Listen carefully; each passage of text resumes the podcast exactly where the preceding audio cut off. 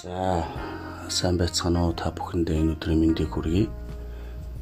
А одоо манай цаг хэтрүүлэгч подкастын хоёр дахь дугаар та бүхэндээ өргөт бэлэн боллоо. Тэгээд өнөөдрийн дугаарт маань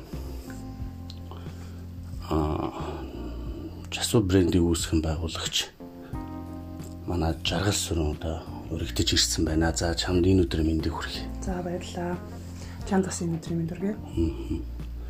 За тэгээ өөрийгөө танилцуулаач. За намайг жаргал сүрэн гэдэг. Тэгээд 2 жилийн өмнөөс яг гарааны бизнесээ эхэлж байгаа. Тэгээд за тухайн үед болохоор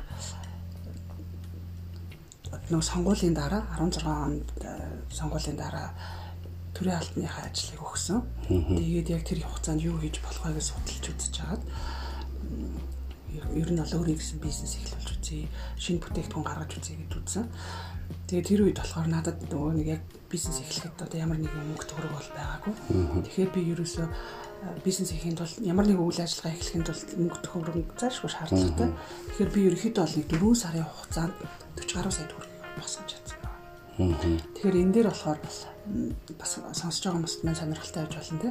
За хаанаас хөрөнгө оруулалт босгосон бэ гэхээр эхлээд Койкагийн санхүүжилттэй худалдаа ажилтны танхим хөгжлийн шийдэл нийслэлийн захиргааны албатай хамтрагсан WBC буюу бизнес эрхлэгчийн эмэгтэйчүүдийн төвд нэг бартерт нь хамрагдаад нэг 5 орчим сая төгрөгийн тоног төхөөрөмж авахсан байгаа. Нэг сая орчим төгрөгийн хэмнэлийн зардлууд эдрийг болоо өөрийнхөө бизнест авсан байгаа.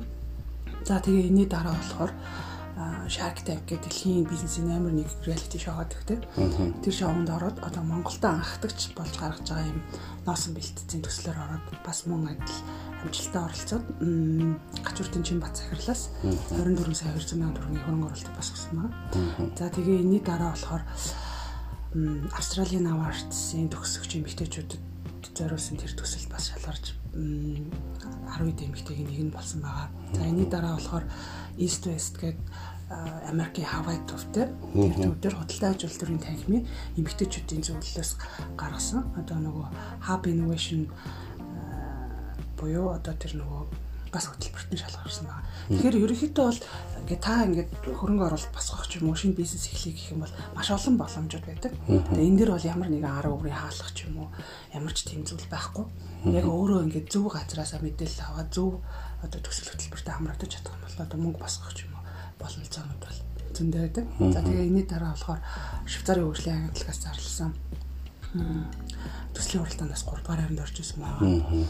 За мөн дүүргийн хөдөлмөр халамжуулалтын хэлцээс зарлагддаг төсөл бас шалгараад 10 сая төгрөгийн хүүхүү барьцааг үзээлээ их усрыг бол олж авсан байгаа. Аа тэгээд сүүл ямар их юмд орсон юм бэ. Яриад ирсэн чи тэгээд зөндөл юмд орсон байна. Яг хүмүүст илүү сонирхолтой байх л яаж мөнгө босгох уу, ямар хөтөлбөрүүдэд яаж орох уу гэд. За тэгээд дараа нь болохоор Global Women Startup гэдэг дэлхийн одоо 140 од зэрэг зохион байгуулагддаг эмэгтэйчүүдийн гарааны бизнесийг дэмжих төсөл уралдаанаас 3 дугаар хайранд орсон байгаа. Тэгээд тэрэн дээр чинь би бараг 500 долларын шагналыг бас авч байсан. Тэгэхээр тэр тухайн үед болохоор яг тэр Global Women Startup Weekend-ийг болохоор нүүб эрүүл мэндийн яам тэгээд нэлээд олон том том байгууллагууд дэмжигдээд ингэ гарсан. Тэгэхээр одоо таны хийж байгаа төсөл болон хийх гэж байгаа тэр бүтээгдэхүүн маань өөрөө айгу өөрөө гүйчтэй санхүүгийн хувьд ингэж гаргалгаагаа зүг гаргаж тавих юм бол болно гэсэн. Тэгээ яг энэ утгаараа ч айгу олон төслүүд төр бол хувьяасаа менторлж оролцсон байна. Тэгээ одоо ерөөхдөө энийг дуусгая. Тэгэхээр юу хийдэг вэ гэхээр би Монгол орнд хамгийн их олдцтой ноосыг ашиглан бүх төрлийн эсгийн бүтээгдэхүүнүүдийг бол хийж байгаа. Тэгэхээр энэ эсгийн бүтээгдэхүүн Монголд маш олон эсгийн урлаач нар байгаа хэдэн мянган жилийн түүхэндээ бид нар эсгийг хийгээд ирсэн. Эсгийг дурахтны гэж бид нар ярьдаг. А тэнгуүтээ илүү их өдөр тутмын хэм маягт зохицохоор тийм гар аргаар эсгийг бүтээгдэхүүнүүд гаргаж байна. Тэгэхээр яхаа би өнөөдөр нөгөө Facebook-с чиний ярьслага өгснийг уншлаа л та. Тэгээд яхаа би энэ дэр зүгээр аа нэг юм тодруулмасан гэдэг бизнес одоо эхлэхэд хүнд болон сайхан тал нь юу юм бэ гэж асуумаар санагдсан байхгүй. За сайхан тал нь гэхээр юу вэ гэхээр за мэдээж ямар нэгэн зүйлийг хийж бүтээн гэдэг маань өөр айгүй сайхан. Аа тэр хийж бүтээх процесс буюу хамгийн сүүлийн бүтээгдэхүүн эсвэл одоо бүтээгдэхүүнийхээ прототипыг гаргаж авахын тулд маш олон одоо нөгөө шинжлэх ухаан, менежментийн онолоос ахуулаад маш олон зүйл шингэжиж эцсийн нэг шиг бүтээгдэхүүн гардаг. Тэгэхээр тэр бүх одоо маш олон зүйлийг туулаад ингээд өөр хагараас бүтээгдэхүүн гаргана гэдэг маань ингээд тийм үгээр илэрхийлэх баян сайхан мэдрэмж. Тэр сайхан мэдрэмжийг авахын тулд мэдээж тэр хүнд зүйлүүдийг тулсан байгаа шүү дээ, тийм. Тэгэхээр одоо бизнес хийх гээд ч юм уу одоо яг яаж эхлэхээ мэдэхгүй бас хүмүүс зөндөө байна л да анзаараад хахад эднэрт бас юу гэж хэлмээр байна. Одоо жишээл хүн болгонд одоо бизнесийн ч юм уу айгүй тийм ашигтай саналууд толгоонд нь орж ирдэг байхгүй юу? Мянга мянгаараа орж ирдэг. Тэг магадгүй чиний хувьд гэсэн тийм юм байж л байсан баг. Гэхдээ одоо тэр сая сая санаадууд дундаас ч гэдэм үү эсвэл тэр сая сая хүмүүсээс тэрийг зориглож хийсэн хинбэ гэдэг нь л чухал аа. А зориглож хийсэн хідэн хідэн хүн бэ л гэдэг чухал аа. Тэр хүн болгонд л маш олон тийм гой санаанууд байт юм байна. Гэтэ тэрийг ингэж зориглож хийх альва юм тууштай хандах тий тэр зүйлийнхаа төлөө мэдээж цаг зав бүх зүйлээ зарцуулна. Түүнээс илүү ч зүйл зарцуулна. Одоо жишээл миний биг гэр бүлтэй хоёр хүүхэдтэй. Тэнгүүд шинээр төрж байгаа энэ гарч байгаа энэ бизнесмен яг л ялах гэж байгаа байхгүй. Тэр одоо яаж үлхийдэж авч яаж хөлд оруулах вэ гэдэгтэй адилхан. Гэтэ яг ихэнх энэ энэ мэдрэмжийг бол аюу олон хүмүүс авсан баг. Шин зүйл хийж үзсэн зарим нэг нь маш амжилттай явж байгаа, зарим төр засварлцсан, эсвэл зарим болцсон ч байж болно шүү дээ. Тийм ээ тийм. Аа. Тэгэхээр одоо ер нь за яхаа энэ яалтч нөгөө ковид 19-ийг ярих гэдэг юм л та. Одоо эн чинь энийг нэг бит хоёр л яриад байгаа юм биш шүү дээ. Ер нь дэлхийд даяараа ярьж байгаа. Тэгээ эн чинь одоо дэлхийн зах зээлд амар нөлөөлж байгаа. Одоо жишээ нь чиний ажилд одоо яаж нөлөөлж байна? Манай урлангаас гардаг бүтээгдэхүүний бараг 70-80%-ийг гадаадууд эсвэл гадаадд амьдарч байсан хүмүүс эсвэл одоо гадаад хүмүүс зориулж биелүүлэгч гэдэг юм нь 70-80% нь болохоор энэ гадаадтай холбоотой байдаг. А тэгээд нөгөө бүтээгдэхүүний борлуулалтын хувьд болохоор надтай аягүй бол агентад хамтарч ажилладаг байхгүй. Одоо дундын зурчлагч нар гэсэн. Тэгээд тэр маань тэр хүмүүс маань миний бүтээгдэхүүнийг аваад гадаадд борлуулдаг ч юм уу тийм. Ингээд а миний хувьд болохоор ингээд одоо нэгс нүүлдвэрлэлээ хийж байгаа хүн дахиад борлуулна гэдэг чинь бас дахиад тусдаа шинжлэх ухаан болчиход байдаг. Аа тэгмэд одоо энэ ковид 19 гарснаас хойш угаасаа уламжлалтын бизнесийн арга барил илэрхтэй тэгэл өөрчлөгдөх зайлшгүй шаардлагууд тулгарч байна. Одоо миний Facebook дээр ч гэдэм үү Instagram дээр ч гэдэм үү хийж байгаа бүтээгдэхүүний маань зураг нэгтүүдэл их байдгүй. Яагаад гэвэл нөгөө захиалагч нар нь байж байгаа ингээл хийгээл өчтөг байсан бол одоо энэ байдлаа арай өөрчлөөд яалтчгүй одоо ингэж дэлхийн нийт ийм одоо бүр дайнаас ч илүү маш олон хүн орж ин тээ. Одоо дайны үед жишээлбэл хэзээ ч ийм зүйл болтгол байсан тээ. Тэгэхээр энэ дээр бол яалтчгүй өөрчлөлт бол маш хэрэгтэй байна. Энийг энийг одоо өөрчлөлттэй хөл нийлүүлэх хэрэгтэй. Тэртээ тэгэл одоо дэлхийн нийтээр одоо Америкт бас тээ маш том хүчрхэг эдийн засагт орон хүртэл яаж хямарч байна. Тэгээ энэ үед яг ийм хүндрэлтэй үед болохоор монголчууд маань аль болох хүнсний үйлдвэрлэлээ дэмжээд. Тийм шүү дээ. Тийм л байгаасаа л гэж хүсэж байна. Гэхдээ бас нэг үеэ бодвол манайхан бас нэг нэгээ дэмждэг ойлгодог бас харагдаж байгаа л да. Яагаад ингэж хэлж юм гэхээр а бид нар ч юм бол хоёр нийгэм үдсэн улсууд шүү дээ. Ер нь те яг бидрийг жоохон байхад бас хүнд хэцүү байсан уу байсан хөгжилтэй дурсамжууд байсан уу сайхан үе байсан уу бүгд л биднэрт байсан. Гэхдээ бид нар тэндээс юуг ойлгосон бэ? Би зүгээр тэгж боддог байхгүй. Яг тэр хүнийг үзснээрээ бид нар айгүй бараг зөв. Энэ нь магадгүй чи, магадгүй өөр хин нэгэн би ч гэж болно. Амьдралд хөлөө олоход бас айгүй тус болсон болов гэж боддөг юм аа. Энэ болохоор нөгөө нийгмийн эргэлт маань тухайн үед социализм соц нийгэм ингээд задраад тийм энэ гэдэг маань одоо шил бид нар тэр үед бас амьдарч исэн тэр өөрчлөлтүүдийг мэдэрч исэн тийм тэнгүүд нэг нийгмээс нөгөө нийгэм рүү шилжилтийн үед болохоор бид нар айгүй хэцүү амьдарч байсан шүү дээ. Тийм шүү дээ. Одоо жишээл одоо хүүхдүүд дээр л итгэхгүй байх тийм. Итгэхгүй байх нь. Дэлгүүрт ороход давснаас өөр зүйл байдгүй. Одоо сүултээ картын бараанд шилжсэн. Картын бараанд одоо жишээл нэг ширхэг талах авахын тулд тийм их очр дунд очрлж одоо тэг 4 цаг очилж талах авдаг байсан. Би бүр бороо хотулж ирсэн шүү дээ. Дундуурлаа гэд. Тэг. Бүр тийм хэцүү үеүүдийг туулсан. Гэхдээ нөгөө хүмүүс одоо нөгөө юм хэцүү бэрхшээлүүдтэй туулах тусмал хувь хүний үүднээс их чадах хүчтэй юм шиг санагдаад байна. Одоо нөгөө би их ингэж ойрын үед ийм юм ярих их дуртай болоод байгаа байхгүй. Хүний нөгөө биеийн эрүүл мэнднээс илүү одоо сэтгэл зүйн эрүүл мэнд бол амар чухал байгаа. А тийм болооч гадаадууд айгүй их сэтгэл зүйч нар их өндрөөр үнэлэгддэг тий тэр сэтгэл зүгөө очдог. А бид нар болохоор бараг л одоо жишээл чи битэр биений биеийнхаа сэтгэл зүйч нь болоод идэг байхгүй. Одоо тэрийг ийм асуудал тохиолдвол ингэж энийг яах вэ гэдэг ярилцдаг ч юм. Гадаадд болохоор яг мэрэгжлийн хүмүүст нь хандаж одоо тэр хүмүүс нэгдэг. Тэгэхээр одоо биеийн эрүүл мэндээс илүү одоо сэтгэл зүйн эрүүл мэндээ их хайрлж их анзаарч авах хэрэгтэй байна. Яг сэтгэл зүйгээд ярьсан чинь бас нэг А өнөөдөр би бас нэг юм сэдв бэлдсэн зүгээр бэлдэх жохоо асуулт. Сэтгэлийн тухай бас ярмаар санагдчихэв л та. Одоо хүнд сэтгэл гаргах, сэтгэл гаргахгүй байх, нөгөө хүн сэтгэл гаргах ч гэдэг юм уу энэ асуудал төр чи ямар бодолтой байдаг вэ? Сэтгэл гэдэг юу нэг яах ёстой юм бэ? Сэтгэл бол угаасаа ингэж гарт баригдахгүй, нүдэнд харагдахгүй, мөртлөө тэр оршдог зүйл гэдэг бид бүгд мэдээд байдаг. Аа сэтгэл зүйн хувьд одоо чи хүн сэтгэл гаргах хүн одоо ингэх гэлээ.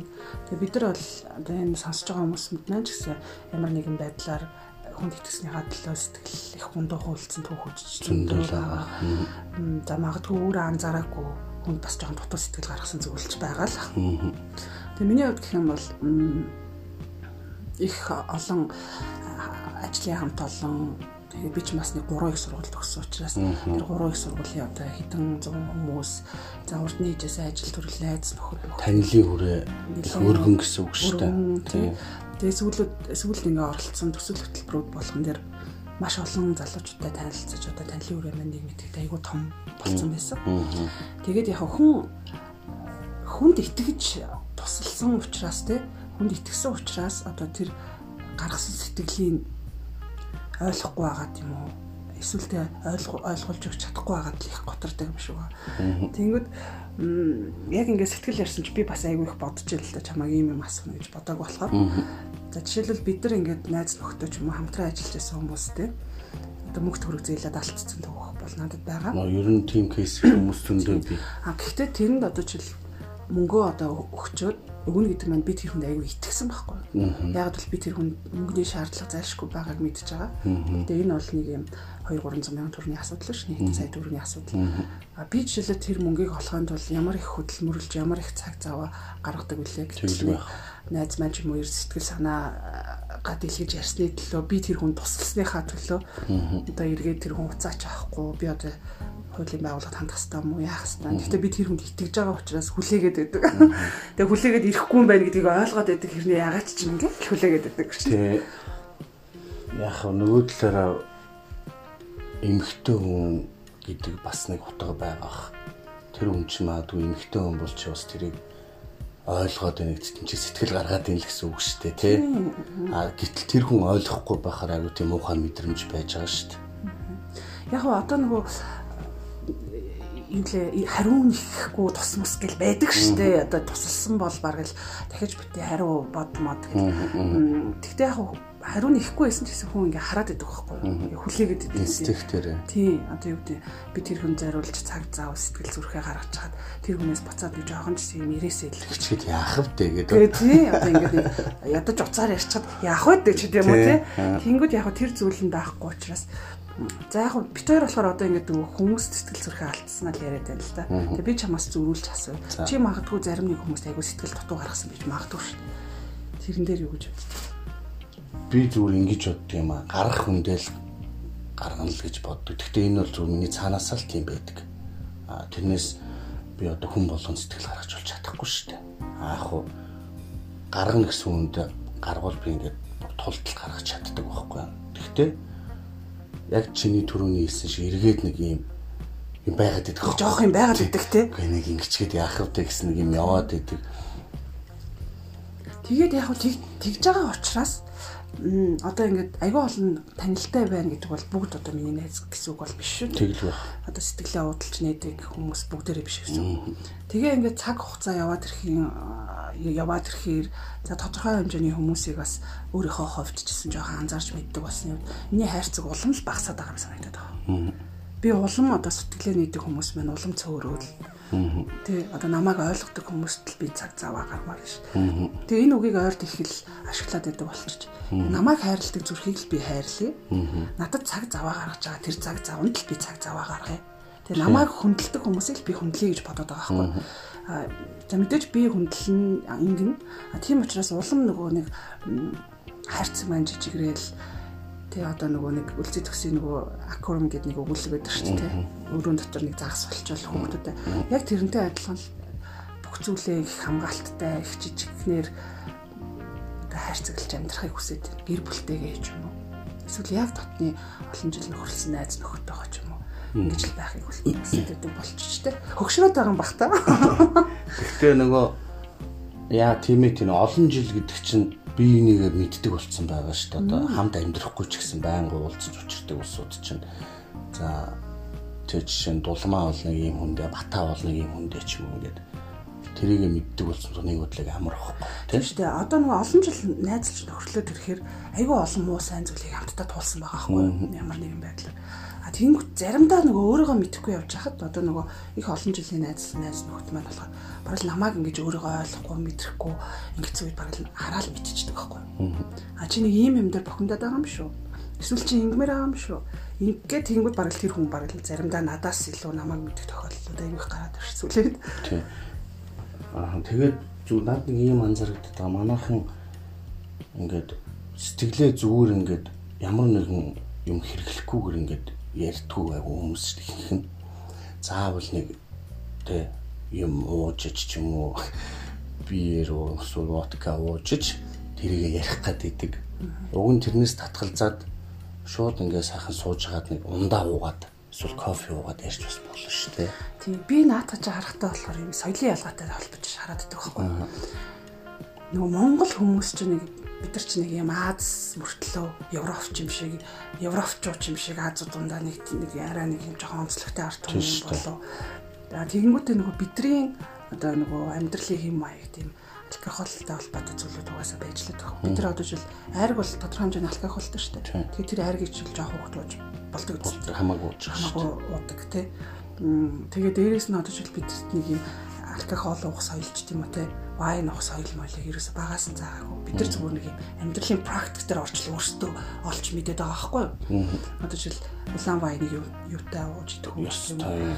тий цагаан вайныг яаж хэрэглэх хуурай юм уу чихэрлэг юм уу? Энэ ямар хоолойтой зохицсон тэр соёл болохоор Европт ч юм уу хэдэн мянган жилээ хэдэн зуун жил болсон? А бидний хувьд болохоор одоо өсвөр насндаа ч юм уу тий оюутан болчоо ч юм өөрийгөө ингэ том хүн гэж ба та тэр алкоголик хэрэглэний талаар ерөөсөө яриаггүй. Бид нар яг нөгөө нэг сэтгэлээ нээж уудлахтаа одоо жишээл дандаа алкогол хэрэглэдэг гэсэн үг бол биш аахгүй. А гэхдээ нөгөө сэтгэлээ нээж ярьж байгаагийн бараг 100-ны нэг 70 80% тэр нэг алкоголиктэй холбоотой байгаад шүү дээ. Тэрийг ухаараа тайвширдаг ч тийм. Тэр тэрхэн зургийн нэг адреналин ялгарангуудтай зэрэг орж байгаа ч юм уу. Тийм. Гэтэ энэ чинь агай буруу хэв маяг шүү дээ, тийм. Тийм. Заавал тэрийг хэрглэж чинь их ингэн ихэр чинь бас айгу. За яг хөө гэтэ одоо А гэхдээ чиний хувьд ер нь жоохон тэгээд байгаа юм байна те. тийм үе байна. Бас Байна. тэгэхгүй үеч байна. Хаяа мэдхгүй зүгээр ингээ юм ярихаар болж өгөхгүй. Нэг гүүш Одоо зүрхээ чангална гэдэг үгс те. ирчүүд тэгж ярьж яриад. 100 г уучаад ингээр нэг тайвшраад тэгээ ингээм ярихаар арай зүгээр ч юм шиг тийм санагдахгүй бас байдаг. Тэ? Яг нөгөө тэр өдрийн л emotional тэр өдрийн л юмтай л их холбоотой юм байна л да. Тэгээ одоо нөгөө нэг бас би чи нөгөө эм орохоор их гүн эм ордог юм шүү дээ. Одоо жил ганцаараа ингээл машин жишээ на барайл хөгжим сонсоол салхи татуулж матуулж эм орлоо тайлах уу вэ? Эсвэл найз нөхдөд сайхан ярих уу вэ? Эсвэл дуртай киногоо гоё үзээд ч юм уу тий. Тэгэхээр ер нь эмо гэдэг үг чи одоо бид нар л гаргаад байгаа юм шүү дээ. Эм орл. Emotional-ыг л emo гэдэг юм биш үү? Би л тэгж ойлгоод байгаа шүү дээ. Тийм. Жилсэн л юм уу ааш тий. Тий, ер нь тэгээд э, нэг хүний ярьслаа үзчих гадаад тийм үг байдгүй байлээ шүү. Тэгээд явчихсан байхгүй. Тэгээд би дотроо их нэр тийм үг байхгүй ах шүү. Энэ фейсээр харж хагаад манайхан эмор л амар нуудаг хүмүүс байлаа надад тэг санагдсан. Арай л нуугаад байна уу гэж харагдсан. Тэнгүүдээ дээрэс нөгөө би дахиад нөгөө соёлын ялгаа ярих гэдэг байна. Жишээлбэл монголчууд эрэгтэй хүүхдийг чи 90 байж уйлж болохгүй. Тэ эрэгтэй хүн үлэмсаа үзүүлдэг үү? Бурш. Тий. Тэр чинь хүн биз дээ. Хүн тэр эмошнлоо уйлж гаргаж болж байна. Дуулж гаргаж болж байна. Хүнд амар хэцүү санагдаж байгаа үед би бол эрэгтэй хүмүүсийг уулах хэрэгтэй юм чинь. А тэгээд дахиад бас нөгөө ярахад ярахад нэг ингэдэг штеп. За нэг охин хүүхдэл дээд сургуультай тий ингийн За энэ банд яах вэ гэх юмний хүссэн ч вэ? Тэр одоо хүн биз дээ. Тэг. Яг тийм юм байгаад байдаг. Тийм учраас нөгөө нэг гэр бүлийнх нь ээж нь ч юм уу аав нь ч юм уу эсвэл ах дүү нар нь тий өчиг уйлмаар байлаа. Сайхан сэтгэлээ нээж гэдэг юм гэхгүй. Харин нөхөр чи бараг л тий эрэгтэй юм байжж нулимсаа үзүүлж болохгүй ч гэдэг юм уу тий тэгээ энэ маань өөрөө тэр нөгөө хүнийг айгуу сэтгэл зүүн сэтгэлийн хувьд бараг л дарамтанд оруулаад байгаа Тий, одоо би бол шууд уйл мөрөл уйлчдаг байхгүй. Супер зүг шүү дээ. Тэгээд уйлахаар энэ дотор гамчин гараад ч бас сэтгэл зүгээ эмчлээд нь шүү дээ. Тэгэхгүй нөгөө хадгалал за би ирэх юм чинь гэж уйлахгүй байгаад хар эн чинь ингээд сүулдэ овоор саргаад нэг өдөр амар тесрүүл яах юм. Ер нь бол тесэрдэг байхгүй. Тий.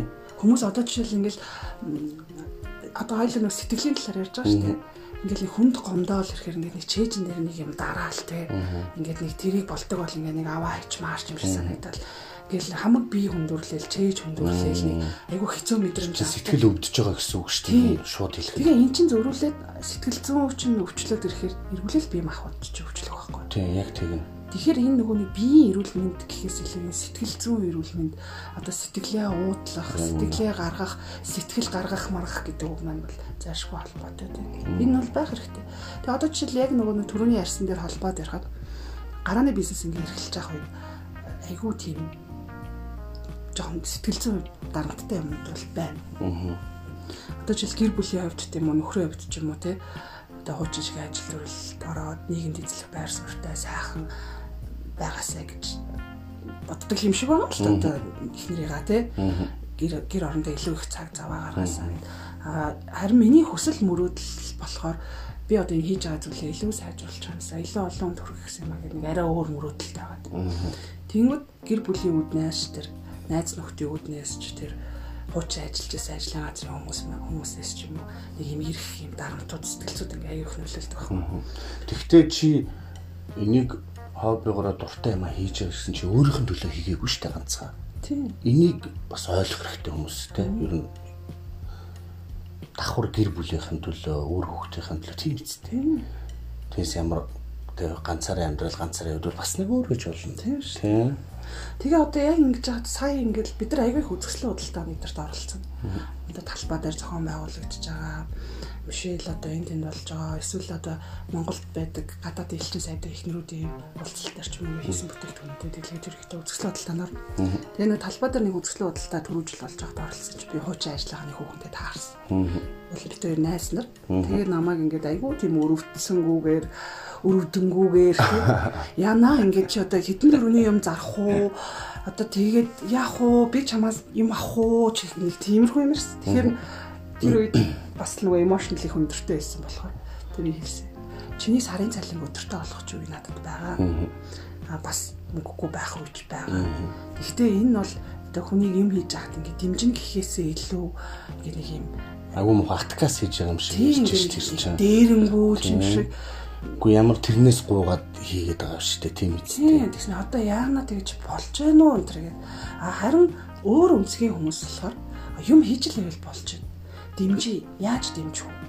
Зарим нэг манай нэг багын зарим нэг найз зохтод мохтож юм уу. Яг муу юм авах гэдэг. Аа. нэг авлаа шавж юм. За яг би мөрөө л өгч нь л асуудал. А өөр нэг өнцгийн хүмүүс болохоор нөр хийж байгаа юмыг дэмжиж гэсэн хүмүүс л бүр ингээл хараал шүү дээ. Хүний хийсэн юмыг үнэлэх хэрэгтэй л дээ тий. Одоо энийг хийхэд бол тий ямар их олон шүний нойроо авахсалж одоо юу гэдэг амьдралаас авах ямар олон таашаалаа хоош нь тавьж тий тэр зүйлийг хийж ингэж бүтээж яах гэдгийг хүмүүс бас жоохон анзаарах хэрэгтэй. Тэгээ нөгөө сэтгэл ярьсан дээр манай ээжийн ихч биш надад айгүй их хэлж исэн. Юусе хүн айгүй мэдрэмжтэй л авах хэрэгтэй гинэ. Тэгээ би бас охиндоо хүүхдүүд хүүхдтэй асалдаг, хүүдэч асалдаг. Хүн гээд айгүй мэдрэмжтэй байд сур. Аяг тааг угаагаад ингээд аягаа өрч тавихад ингээд овоолоо тавьчихлаа. Тийм шүү дээ. Ингээд зөв өр айгу мэдрэмж хүн ингээд нэг юм ядруухан ингээд ядраад ороод ирж хахад те ингээл өөдөөс нь ингээл айгүй бол юм одоо шаардаж нэх ч юм уу тий. Ингээ энийг мэдрэмжтэй тэр хүн ингээд эхлээд амраад авах. Тэгэхээр энэ нөгөө мэдрэмжийн асуудал маань ч гэсэн өөрөө айгүй тийм соёлтой байгааг илэрхийлэх юм болов гэж бодоод идэх байхгүй. Энийг нь гайвуулахгүй. Тэр мэдрэмжтэй байгааг хадлаа айгүй олон зүйлээс одоо муу юмнаас ч холдож болж сайн юмнуудыг өөртөө татаж авч байна. Одоо нэг 90 оны сүүл 2000 оны ихэр ч юм ер нь тэр хавцаа манайх нэг юм хүн ингээ сайхан сэтгэлгаараа хүн туслахаар тайлдаг гэж бодоод байдаг. Эсвэл бөөрөнхий. Тийм айгуу сонио. Гэхдээ тэр ч уг нь тийм шүү дээ тий. Тэгээд нэг хүн туслахын дээр пальдаг гэх нэр авчиж авчиж бас үе байсан байхгүй. Тэгээд би тэгэхэд амар дургу. Пальдаг гэж яг юу гэсэн үг? Яг мэдээд байна л та. Гэхдээ тэр чи одоо долгионхын л нэг арай хүндрүүлсэн хэлбэр гэж би ойлгоод байгаа шүү. Тийм, тийм. Тийм. Тэгээд нэг хүн туссныхын төлөө одоо нэг пальтаг мальтаараа дуудуулахар ч айгүй ховромгүй гэхтэй. Тэ. Тий, над дээр болохоор нэг ямар үг гарч ирсэн болохоор амар бөөрийнхий гэдгээс аахгүй. Энэ бөөрийнхий болохоор юу гэхээр манай аав өөрөө сэтгүүлч юм. Тэгээ нэг альва оёмыг олон талаас нь ингэж хардаг. Тэнгүүд надад ч тэр өгдлөөс айгүй хөөгдөг гэсэн байхгүй. Миний ах энэ дээр тий Одоо жишээл би нэг зүйлийг хийлээхэд надад доод нь 10 сонгоод байгаа байхгүй. Тэрийг хийж болно, хийхгүй байж болно. Үнтэй хамтарч хийж болно, ганцаараа хийж болно, эсвэл ажилдаа авч болно. Яаж одоо ингэ надад хамгийн багт 10 сонголт байгаа. Тэгэхээр тэр сонголт болгон дээр ингэ өөрийгөө тавьж үздэг байхгүй. За би ингэ ганцаараа ивэл яах вэ? За ийм ийм нөхцөл байдал бий болох юм байна За би ингүүл яах вэ гэд ингээд боддог. А тэнгууд нөгөө нийгмийн дээр ч юм уу найз нөхдөйгөө харьцажсэн тэр байдал маань ингээд гардаг юм байна л да. Би одоо жишээлбэл бодож бодож жагаад өөртөө хамгийн зөв гэж бодсон хувилбараа гаргаж тавьж байгаа хэрэг. Тэгээ магадгүй тэр талаараа ингээд ярилцахаар бөөрөнки гэдэг нэр авсан шүү дээ. Тэгээ бөөрөнки гэдэг чи одоо айгуу тийм шийдвэрийн шийдвэр гаргадаггүй хүн гэж хэлэх гээд байгаа зү одоо ийм Тийм, энэ яг өнцөггүй л гэж хэлээд байна шүү. Үгүй одоо гаргасан шийдвэртэй бат зогсдгүй ч юм уу нэг тэгж хэлэх гээд байгаа байхгүй. А миний хувьд болохоор харин ч одоо нөгөө миний амьдралын туулсан зам л айгүй гаргасан шийдвэртэй өмж бат зогсож байгааг одоо нэг өсний харуулчлаа шүү дээ. А гэтэл тэр нөгөө нэг юмыг бодох олон талт өнцгөөс нь харах гэдэг чинь тийм бүрэнх гэсэн үг шүү. Тийм шүү дээ. Гэхдээ мэдээж нэг шийдвэр гаргахын тулд ямар энд нь хүн зогсчоод одоо хурдан шийдгээд байгаа биш. Тийм тэрийг тухайн үедээ хүн шийдвэр гаргах чад эргэж буцаж болно шүү дээ. Яадаг юм. Тийм. Оо биш байсан юм ээ гэдэг тийм. Тэнгүүд одоо ч бид нар ингээл за яг бүр э, тийм гарааны бизнес эрхлэх ч юм уу эсвэл ингэх ч юм уу юмыг биш одоо нэг жишээлбэл нэг худалдаа авалт уучж байж болно шүү дээ. Ингээ энгийнээр ярихад. Тэнгүүд жишээл надад үнэхээр таалагдчихсан нэг дүүфэл байла. Тэгээ би тэрийг авмаар байгаа А гэхдээ одоо юу гэдэг өсгийн ч юм юу юм өдөр тутамд ингээд дүнсээ тахад тохиромжгүй ч юм ингээд хүн ингээд боддог үстэй. Гэтэ уул нь гоё юм да яах вэ? За энийг нэг авахаа нэг болоод нэг 5 хоног бодоод үзье.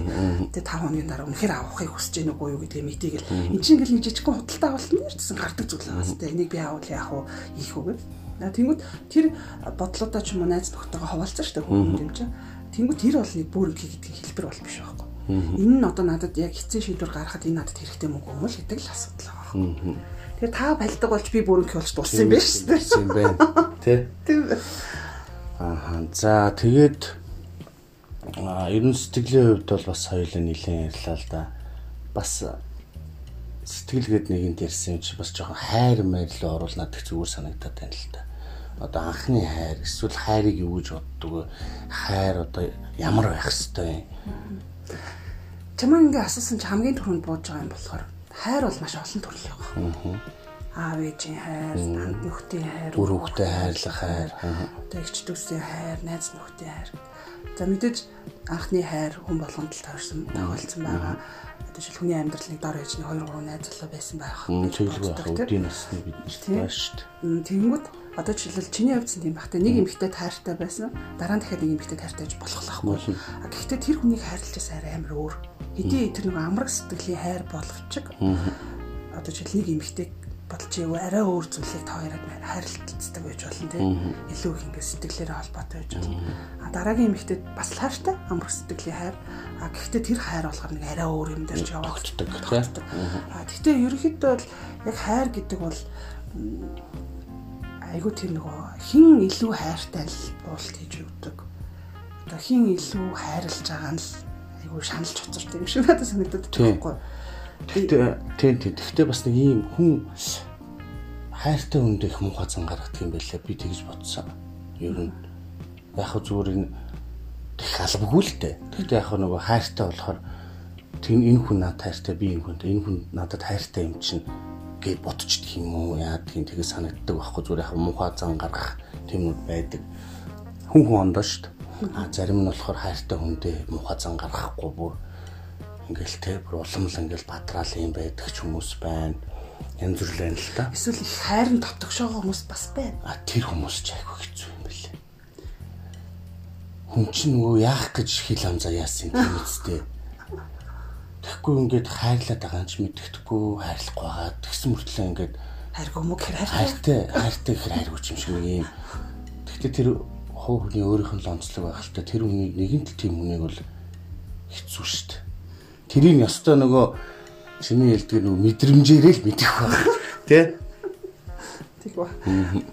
Гэтэ яг жишээл манай охин ч одоо 13 таа штэ. 13 жилийн өмнө би хүүхдээ гаргаад. Тэгээ тэр жил айгүй их тийм хар өвлөсөн байхгүй юу? Ерөөсө цасгүй гэсэн нэг хүүтэй. Тэгээд би яг төрөхгүй л өвдөөл үүр цайж байгаа л тэгээ нөгөө их барих юмч маань бууцсан. Тэгээ манай нөхөр аавыг маань аваад тэр их барих юмчийг очиж авахар явчаа. Тэгсэн чи тэр өдөр яг нэвсэтлээ цас ороод бүр ингээл хорвоо ертөнц тэр цэгэр цав цагаан болсон байхгүй. Тэгээд манай нөхөр 10 жилийн дараа энэ нууцаа надад яриад нэг жаа. Их барихч эмчийг авах авах гэж явж байхдаа хорооллын зам дээр эхнэл бас бид урсан байхгүй хороолын зам дээр бүтэн хоёр иргээд машин нөгөө урсгалаар харж зогссон баг. Тэгээд 10 жил нууцсан заяа. Тэгээд даач ингээл аамаа бид нар ингээл ийш тийш хамт явна манай нөхөмж бол машина шүү дээ. Тэгэхээр манай аавд гэдэгс. Миний хөө 50 50. 50 жолоо дээр 50 гэл харна. Би бүр аавыг харчил гайхаж байгаа.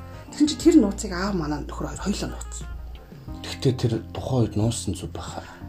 Гэхдээ нуусан зүг баггүй. Яагаад гэж хэрэг би хүүхдээ гаргаад удаагүй байгаа хүн хэрвээ хилцэн бол тэ яана чи ингэж явж байгаад аав та хоёр ингэ гимтсэн бол яах вэ мэс ингэ нэг чи амар зовн ш сэтгэл чинь. Гэхдээ 10 жилийн дараа сонсоод би бас уурлаад байвал. Тэгин тэгин мэдээж яг нуусан зөв мөртлөө мэдээж бас хилээгүй гэдэг дээр нь бас гомж байна. Энэ болохоор бас нэг юм хайрлаж байгаа хэлбэр байхгүй. Энэ хүнийг зовоогоод яах вэ? Энэ хүн энийг сонсоод 10 жилийн дараа ч би яана чи яаж ингэж чадчихна гэж ууралж байгаа байхгүй юу? Чи болгоомжтой явахгүйсэн л яхан чи миний аавыг сулгах чи чи өөрөө ингэсэн байл яана. Тэгэхээр энэ бол яг л намайг ботсон хайр байгаа зү. Аа. Тийм тийм. Тий, энийг заавал хайртай гэж бүх зүйлийг хэлэх албагүй байхгүй. Тэгэлгүй байх. Тэгэхээр энэ болохоор нэг юм арай өөр одоо юу гэдэм. Одоо гэр бүлийн хайр юм уу та? Тийм ээ тий. Тэгэхдээ бас хэлж болохгүй юм гэж байдгийг шүү дээ тий хүнд. Байлгүй яах вэ? Тий, хичнээн хайртай гэл хамаг юм яриад байж болохгүй мэдээж хоёр хүн ингээд хамт биеинтэйгээ ингээд гэр бүл болоод сууж байгаа ч гэсэн энэ хоёр хүн чинь хувь хүмүүс үстэй. Тэгэхээр мэдээж тэр батагийн яна одоо бата гэдэг жишээ авсаар байгаа. Бата гэдэг хүнээс олсон уурлах үү. Тэр нэг иргэн бэ ч юм уу те. Нөгөөх нь иргэн ис. Нөгөөтэй. Аа юу гэж лээ бэ? Нөгөө дараагийн юм бодоод тий нөгөө нэг хамаг юм ярих албагүй шүү дээ. Аа тэгээд тэр хоёр чинь нөгөө хов хүмүүс учраас бас өөрсдийн гэсэн орон зай байгаа. Дээр нь гэр бүл урд нь өөр хаав ичтэй гэр бүл нь ямар байсан тэнд бас нууж хаах юм байхаа шүү дээ. Байлгүй. Тэ а зарим хүмүүс болохоор бүх юм яргээд идэх юм бэл. Энэ болохоор нөгөө хов хүний орон зай байхгүй. Тий. Одоо хов хүний орон зай одоо ихнэр нөхөр байсан ч хит нэвтэр нэвтэрч орж болохгүй. Яг бол За яг энэ яриатай зарим хүмүүс санал нийлчих магадгүй нийлэхгүй ч гэж байна. Тэгээд авахгүй их ухаанаар хандж байгаа хоо. Энэ болохоор зөвхөн миний л бодол байхгүй юу? Хов хүнд өөрийнхөө орон зай байх хэрэгтэй. Өөрийн найз нөхөд өөр юм. А гэр бүл болохоос биш. Тэгээ би одоо тэр хүний одоо юу бурхан биш байхгүй. Одоо тэр хүний тамийн илчж биш байхгүй. Би тэр хүний алдаа оноог шүүгээл те ингэх биш. А гэхдээ нөгөө амьдралын ихэнх зүйлийг бол гэр бүлтэйгээ хуваалцна. Надад ийм юм тохиолдлоо инглээ тэглээ энийг яах ёстой вэ гэж ярилцсан. А гэхдээ би одоо жишээлбэл тэр нэгэн жил 20 жилийн өмнөх нэг хайр дурлалыг ярмааргүй л шүү. Тийм шүү дээ. Тэрийг жишээлбэл ялангуяа манай Монгол залуучууд бол манай найз охтуудаас үргэлжлэл их хүссээр ирсэн зүйл байгаа байхгүй. Чи хэдэн үнэтэй ирсэн бэ те чи хэдэн үнэтэй орол яасан бэ гэл те Тэнгүүд нөгөө Монгол эмэгтэйчүүд минь ярьчт юм шүү. бид яг тэгсэн тэгсэн тэр тэр ч юм уу. Тэнгүүд дараа нь тэр нэг хэрэлдэж маргадталтан бол гайвалдаг. тэр нь дандаа одоо юу гэдэг тэр залуу байхаас өмнө л тэр зүйл болсон ба штэ. Тэгэхээр тэр залуу тэрний талаар ярьж ууралж одоо ундууцч тэр зүрлэлээр барьцаалж бол ерөөсөө болохгүй л байхгүй. Тэгэхээр энэ болохоор миний хувьд бол ховын орон зай. Би үнэхээр ярмаар үл ярьж болно. Би ярмааргүй бол би ярихгүй гэж болох байхгүй. Тэр их нэг намайг хүчээр яриулах ч юм уу. Эсвэл намайг ярахаас аргагүй байдал тэгж эвгүй байдлаар оруулж бол болохгүй л гэж хавтаач. Тийм. Тэгтээ хүн ер нь тэгэл өөрөө ярмаар үл ярьчдаг шүү дээ хүссэн хүсээгүй. Тийм. Тий. Тэр үеийн ярилт гоё байхгүй юу? Тэгэхгүй Тэгээд тэр гоё юм аа ярьчаад хүний нууцыг хүлэн зөвшөөрөх хооронд дараа нь тэг тэрүүгээр нь чичлээл тэ. Чи тэр баттай яна тэр бат гэдэг юм. иргэн бэ, иргэн бэ. Бэтэ чи тэгдэг байсан гээ үсттэй. Ингэдэг байсан гээ үсттэй чи тэгж болохгүй шүү дээ. Би яг энэн дээр би их алдаж явсан хүн багхгүй юу бас. Тэгээ би тэрнээс хойш мэдээж би төгссөн биш бид нэр төгс биш шүү дээ. Тэгээд алдаа оноо зөндөл байсан зүгээр яг энэ асуудал дээр би айгүй тэнийг хандж исэн гэдгээ би ойлгосон. Тэгээд тэрнээс хойш юу хинч вэ?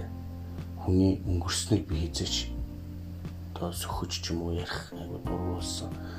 Өөрийгөө оронд нь тавьж үтсэн чи миний ч гэсэн өнгөрсний хүн гэдэг бол надад муухай шүү дээ.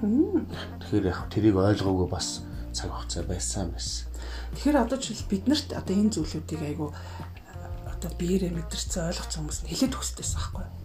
Одоо жишээл амьдралын айгу олон зүйл төр ингэж харагдчихдаг харагддаг. Би нөө дээрээ хоёр ихчтэй хоёр ахтай. Тэгээд одоо айгу том гэр бүл төссөн байна шүү дээ. Тийм байна. Бас олуулал юм байна шүү дээ. олуулаа. Тэнгүүд жишээл миний нөгөө амьдралтаа гаргаж болох алдаанууд шүү. Жишээлбэл би өсвөр настай болоод одоо банднаар харин захиа явуулаад тэгэл энэ зүйлүүд ингээд тохиолж байгаа юм. Би нөгөө тэрийг чи мэдэхгүй шүү дээ. Би яагаад бол нь тэр настай байж үзээгүй л ахгүй Тийм тэгээ шүү тэр зүйлийг мэдэхгүй. Тэнгүүд нөгөө ихч нартай хүн чинь бас их айгүй амар. Жишээлбэл би ийм найз залуутай болж байгаа ч тийм үгүй хэлнэ. Тэнгүүд манай ихч болохоор оо яадаг яадаг гэд мэднэ. Бүх асуудлыг мэднэ. А тэнгүүд би нөгөө ихчтэй айгүй их ихч нартай айгүй их ярилцсан. Тэгээ надад нэг ийм зөвхөлтлөө энийг яах вэ гэж яриад өгчин. А ах нар маань бол намайг айгүй сайхан хамгаалчихна. Тэгээ жишээлбэл ингээл ярьж л байгаа байхгүй. Би 8 дугаар ангийнхаа хонхны яраар ангийнхантайгаа яваагүй. 10 дугаар ангийнхаа хонхны яраар одоо зугаалгаар яваагүй. Их сургуулийнхаа хонхны яраарч би яваагүй. Тэгээ яагаад жишээлбэл би тэр хонхны яруудаар ингэж хүмүүстэй шоудаж хоног гүнж амралтаар яваагүй гэхээр манай багах хэлж ирсэн байхгүй. Би 8 дугаар ангийнхаа хонхны яраар л ир хүн болж ирсэн шүү дээ. Тийм ч ч одоо юу гэдэг тийм нөхцөл байдал нь бүрдчихсэн учраас бүрдсэн учраас тийм юм болсон. Тэгээ яг тэрийг хилцсэн учраас би нэг өсний өөрийгөө ингээд айгу хамгаалж байгаа хэлбэр маань Контролд чиж шүү. Тийм тэр ангийнхантайгаа мэдээж зугаалгаар явах сайхан шүү дээ. Тэнгүүдээ би тэрнээс олж илүү өөр аль биесаар тацгалж байгаа байхгүй. Тэгэхээр нөгөө хажуунаас ингээ хилээ зөвлөд өгөх хүмүүс байна гэдэг маань учирч болох эрсдлээс Яг үнэ. одоо хамгаалж байна. А одоо тэртээ тэглгүй нөгөө амьдрал дээр туулах юмнууд шүү дээ. Хүн анхны хайртай болно, хүнтэй сууж гэр бүлтэй болно. Тэр бүх юмнуудын маань хүртэл ингээ хилээд өгөхөөр их юмнуудыг одоо зүйлүүдээс одоо муу юмнуудаас их холоор өнгөрөх боломж гардаг. Тэгээ манай аав болохоор айгүй их юм зүрдцэн юмнууд ашиглаж одоо ингэ амьдралын ухааныг маань тэр зүрдцэн үгээр дамжуулж үргэлж заадаг. Тэгээ манай найз охтууд гэдэг чи айгүй их зүрдцэн үг хэлдэг. Яг би нөгөө багасаа сонсоод өссөн учраас. Чийжилсэн. Утгын тэр чинь бүр айгүй ойлгохдаг болсон байна. Үгүй одоо жишээл ингэж хэлж байгаа байхгүй.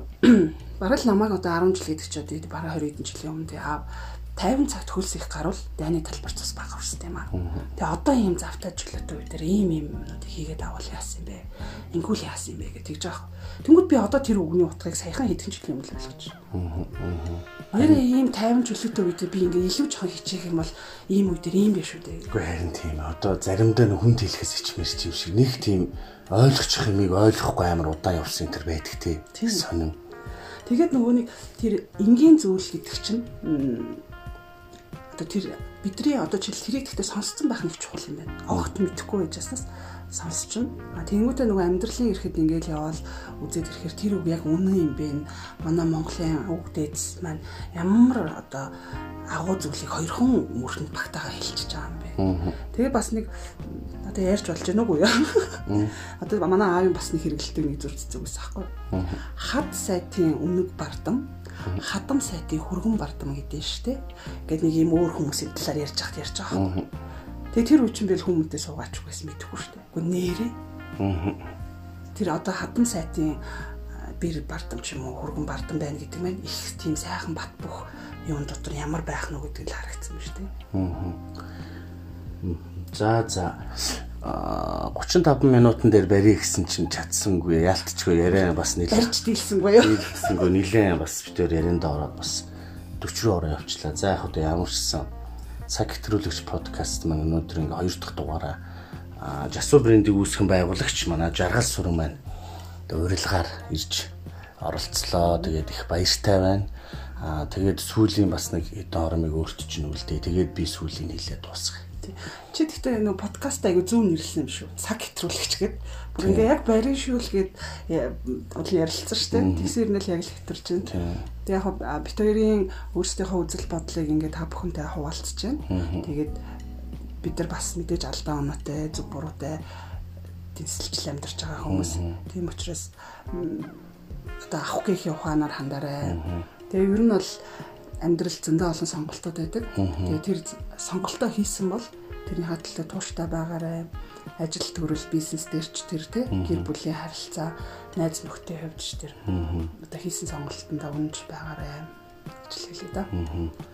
За баярлалаа сайхан үгээр дуусгах чинь ингээд жаргал сүрэнтэй гэр бүлд нь ер нь чиний хайртай гэсэн бүх хүмүүст эрүүлийн хац жаргал хамгийн сайн сайхан бүхнийг үнэн сэтгэлээсээ хүсэж байна. Тэгээд чиний цаашдын ажилд маш том амжилтыг хүсье. За баярлалаа. За баярлалаа.